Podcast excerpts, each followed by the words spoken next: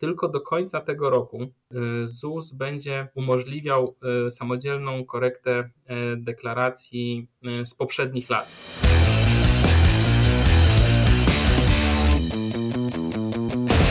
Dzień dobry, Anna Strzelecka, Kridoteka. Zapraszam na kolejny odcinek naszej podatkowej międzymiastowej podcastu pomiędzy Krakowem a Warszawą. Halo Warszawa, naszym gościem e, w stolicy jest e, starszy menedżer w dziale podatków e, osobistych Rafał Frączek. Cześć Aniu, dobrze Cię widzieć. I Ciebie również. Jeśli pozwolisz, bo pierwszy raz mam okazję wystąpić w podcaście, więc chciałbym zacząć od zadania pytania Tobie. Oczywiście Warszawa zawsze pierwsza. Proszę bardzo. Czy według Ciebie 2,5 miliarda złotych to dużo? Przez, przez chwilę się rozmarzyłam, bo y, wyobraziłam sobie, ile filmów na Kridotekę mogłabym za te pieniądze nakręcić. Y, była, bylibyśmy lepsi od Netflixa, Disney Channel i Bollywood razem wziętych. Tak, moim zdaniem to jest bardzo dużo.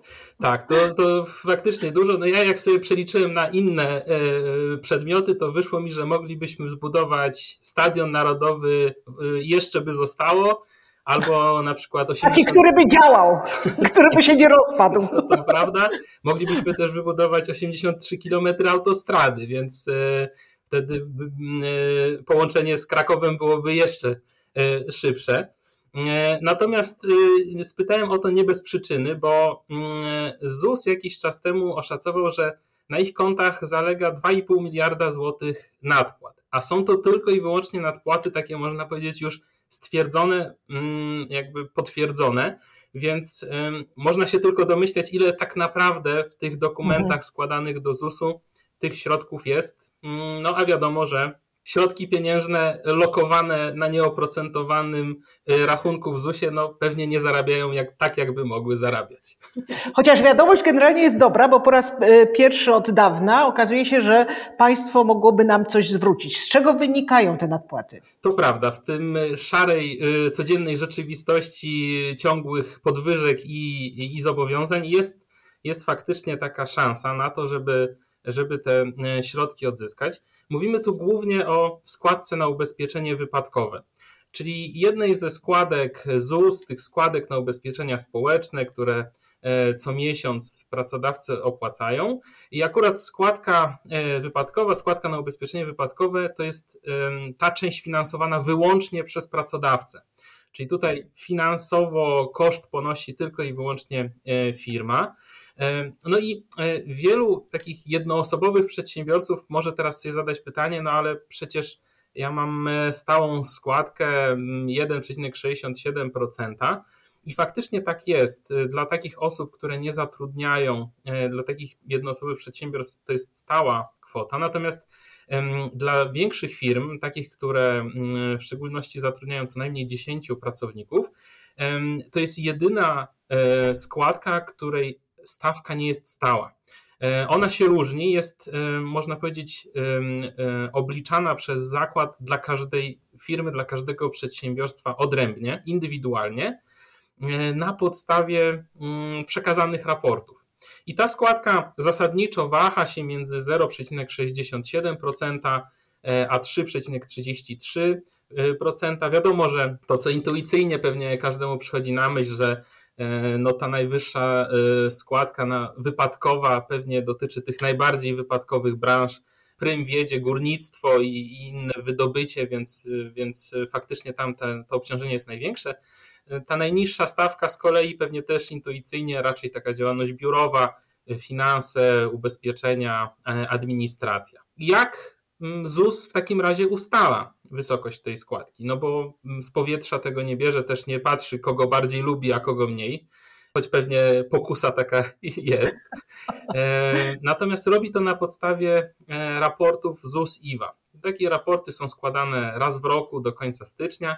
Na tej podstawie, patrząc na trzy poprzednie lata, e, ZUS ustala, jaka była wartość, liczba wypadków przy pracy w ogóle, jaka była liczba wypadków, jeśli takie były ciężkich lub śmiertelnych, i czy pracownicy pracują w warunkach zagrożenia, czyli na przykład hałas, pył, drgania, substancje chemiczne.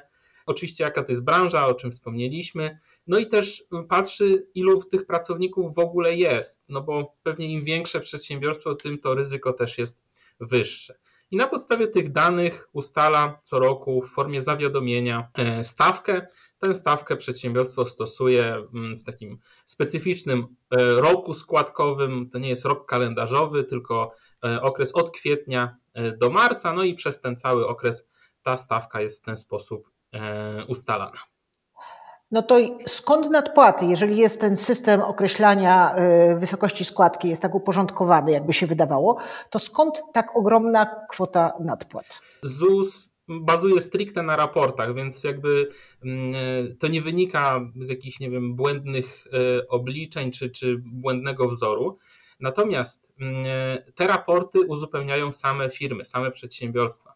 No i mm, e, specyfika ZUS-IWA, czyli właśnie tego podsumowania tak, liczby wypadków, mhm. liczby zatrudnionych, jest taka, że żeby zebrać dane i wypełnić ten formularz, e, zwykle muszą ze sobą współdziałać różne zespoły w takiej firmie. No i tu czasami pojawiają się z uwagi na presję czasową, złożoność tych danych, czasami pojawiają się pewne wyzwania komunikacyjne, żeby to zebrać, uspójnić. Mhm. E, zdarza się też tak, że wiadomo, wypadki przy pracy, no to jest każdy, jakby trzeba być tutaj empatycznym, tak? No to są historie każdej osoby. E, zdarza się, że wypadek na, na pierwszy rzut oka wygląda bardzo poważnie. E, wydaje się, że te konsekwencje będą tutaj no, trudne, natomiast po jakimś czasie taka osoba wraca do pracy, jest cały czas zdolna do, do wykonywania obowiązków. I tutaj też czasami e, firmy, jakby trochę z ostrożności, trochę z zapobiegawczości, takie wypadki mogą zgłosić w trochę innej formie e, niż, niż faktycznie mm, to powinno nastąpić. Oczywiście no, mogą się zdarzyć jakieś podwójne wiersze w rejestrze wypadków czysto techniczne błędy wynikające z podsumowania, przepisywania tych danych. Może się też zdarzyć, że wypadek jest faktycznie wypadkiem przy pracy, ale na przykład nie powinien być uwzględniony w raporcie. To są oczywiście przykłady, każda, każdy, każda sprawa jest inna. Natomiast mhm. to się składa na to, że zdarza się i faktycznie, jak obserwujemy z naszego doświadczenia, e, że te raporty często są konserwatywnie uzupełniane. E, czyli lepiej zaraportować więcej niż za mało, ale czasami to zaraportowanie o, o tych kilka czy kilkanaście wypadków więcej powoduje, że e, no te zobowiązanie jest znacznie wyższe, no bo mm, pracodawca opłaca składkę za każdego pracownika, każdą jedną osobę, którą zatrudnia. I teraz mnożąc e, taką każdą złotówkę razy x pracowników, razy 12 miesięcy w roku, razy 3 lata, bo de facto jeden wypadek wpływa mhm. na 3 kolejne lata, te kwoty poprzez ekonomikę skali robią się naprawdę istotne, naprawdę duże i no, można powiedzieć warte e, świeczki. Zanim zadam pytanie, jak odzyskać te nadpłaty, żeby nasi słuchacze mogli sobie rozważyć, jak to zrobić, to takie pytanie mi się nasunęło. A czy y, jeżeli wystąpimy o zwrot nadpłat, czy trzeba zwracać zasiłki, które zostały otrzymane w związku z tymi wypadkami? Tak, to jest do, dobre pytanie, częste pytanie. Tak jak mówiłem, no, wypadek przy pracy, my tutaj czasami jakby w tej rozmowie uśmiechamy się, mówimy o, o, o, tych kwotach, ale faktycznie za tym stoją historie ludzkie i, i, i przedsiębiorcy czasami no, mają z tyłu głowy, czy to, że oni teraz przeglądają te, te rejestry, nie spowoduje, że ich pracownik będzie musiał oddać zasiłek. Mhm. W istocie y, tak nie jest. My tutaj nie dążymy do reklasyfikacji wypadku i, i, i zwrotu. Bazujemy wyłącznie na, na liczbach, na, na rejestrach i i, I nawet jeśli wystąpi nadpłata, którą ZUS oddaje, to nie oznacza, i, i, że pracownik też będzie musiał coś oddać, bo mu ten zasiłek w istocie nie przysługiwał. To w takim razie do czego, bo no, zachęcamy oczywiście do odzyskiwania tych kwot, ale konkretnie oznacza to, że do czego zachęcamy? Co, co powinni y, pracodawcy zrobić? Jasne. Mm, y, no, mm, tak jak mówiłem, ZUS bazuje na raportach ZUS-IWA, więc y, wszystko tak naprawdę sprowadza się do tego, żeby zweryfikować, czy te dane na, na tych raportach są, e, są prawidłowe. Co to oznacza w praktyce? No, oczywiście e, zachęcamy do tego, żeby zweryfikować, czy rejestry wypadków odzwierciedlają to, co jest w ZUS-IWA. czy na pewno dobrze są skalkulowane etaty, czy warunki zagrożenia dotyczą wszystkich pracowników. E, I na tej podstawie, e, to oczywiście są przykładowe działania, nawet tak podstawowe mm, sprawdzenie dokumentacji i odtworzenie tego procesu, który e, sfinalizowany był poprzez złożenie ZUS, ZUS-IWA, jest poprzez te, te działania jesteśmy w stanie sprawdzić, czy, czy one są prawidłowe i ewentualnie czy zmiana wpłynie pozytywnie na wartość e, potencjalnej nadpłaty. E, oczywiście mm, mm, firmy mogą to zrobić samodzielnie, mm, tu nic nie stoi ku temu na przeszkodzie. Oczywiście trzeba się zastanowić, czy, czy, czy posiadają Państwo czas, zasoby, ewentualnie doświadczenie. My oczywiście też, e, pewnie to oczywiste, e, biorąc pod uwagę temat naszej rozmowy, ale nasza firma też tutaj się tym zajmuje już z wieloletnim doświadczeniem i z wieloma projektami zakończonymi sukcesem. To prawda, zespół ma doświadczenie, ale rozumiem, że ono, z tego co słyszałam na salonach w Warszawie, nie ogranicza się ono tylko do składki wypadkowej.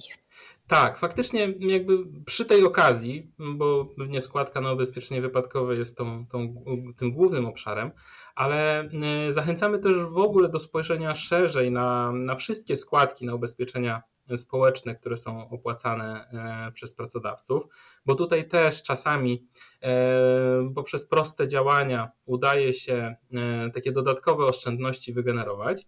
No i musimy mieć też z tyłu głowy wpłaty, które są kierowane na Państwowy Fundusz Rehabilitacji Osób Niepełnosprawnych, czyli tak zwany PEFRON. Tu również mm, wielu pracodawców no, musi dodatkowe kwoty przekazywać, I tu również weryfikacja e, zaraportowanych danych pozwala niejednokrotnie e, odnaleźć no, po prostu nadpłacane przez lata kwoty. I dlaczego o tym mówimy teraz? Bo to, to też jest ważne. Poza tym, że dlatego, że do ciebie zadzwoniłam na podcaście. Tak, to zawsze jest miła rozmowa, ale warto pamiętać o tym, że tylko do końca tego roku y, ZUS będzie umożliwiał y, samodzielną korektę y, deklaracji z poprzednich lat. Od 1 stycznia 2024 roku będzie to utrudnione.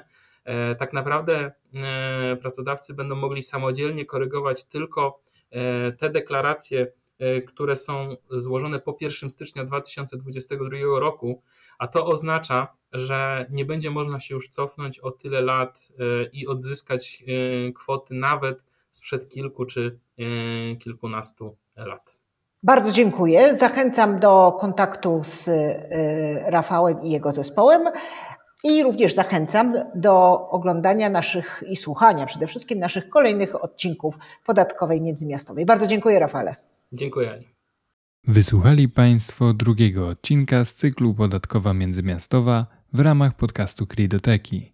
Nasz podcast jest dostępny na różnych platformach, w tym Spotify i Apple Podcasty, a także w wersji wideo na naszym kanale na YouTube. Dziękujemy za wysłuchanie i do usłyszenia w następnym odcinku.